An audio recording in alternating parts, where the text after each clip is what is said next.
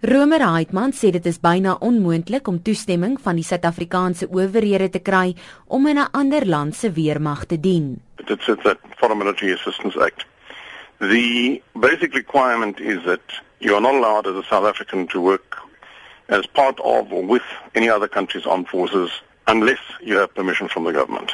I mean, basically, that would be the same as exporting arms. You go to the National Conventional Arms Control Committee, NCACC.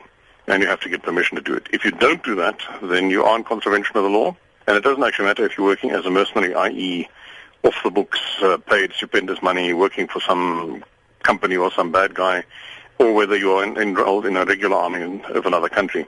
If you haven't got permission, you're not allowed to do it. You have to get a permit. And normally you wouldn't get a permit. That would be very rare. I think it would be a case of mainly somebody who's got expertise and we are selling equipment to another country to go across and help them. Conceivably a country with which we are allied that needs some help. But otherwise, I would find it very difficult to see anybody getting a permit. Hy sê daar is wel Suid-Afrikaners wat ook burgerskap het in nog 'n land, soos met Suid-Afrikaners wat dien in die Britse weermag. Maar hy gee toe dat buitelandse beleid hier 'n rol te speel het. With the the Commonwealth armies, particularly the British Army, and the Royal Navy and Air Force, that matter, quite a lot of South Africans are serving there. Some have the right to dual citizenship, so it would actually be difficult to stop them. They would just give up their South African citizenship and, and be gone. Others just have a hankering to serve there.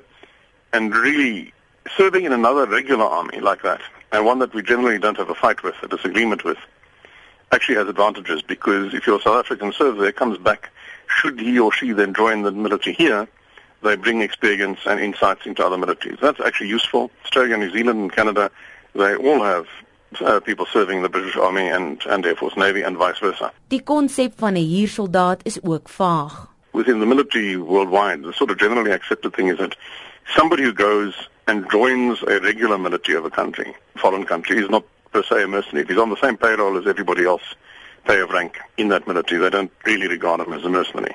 They may wonder why he's serving in the army, but he's not a mercenary. Somebody who goes and purely works for cash, by himself, small group, whatever. Executive outcomes, for instance, who took a contract from the Angolan government, but they weren't part of the Angolan armed forces. They, most countries would, would recognize or uh, describe as mercenaries. I think this character, if he is serving with the Israelis, he's almost certainly serving in the regular army at the normal pay scale.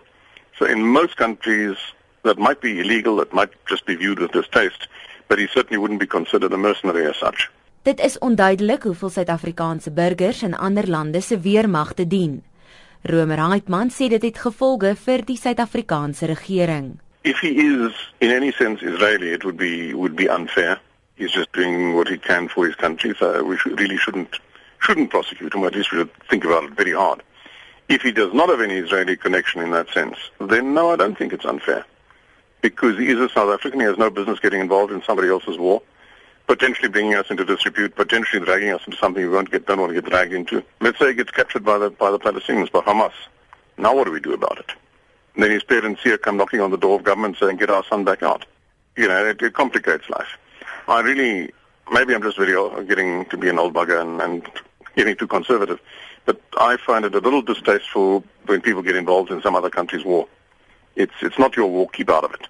Um, it's bad enough killing people at the behest of your own government, but to be killing people at the behest of some other government in a quarrel that really isn't yours is going a little far. Dit was die onafhanklike verdedigingskenner Helmut Romer Heitman. Ek is Melissa Tuggie in Johannesburg.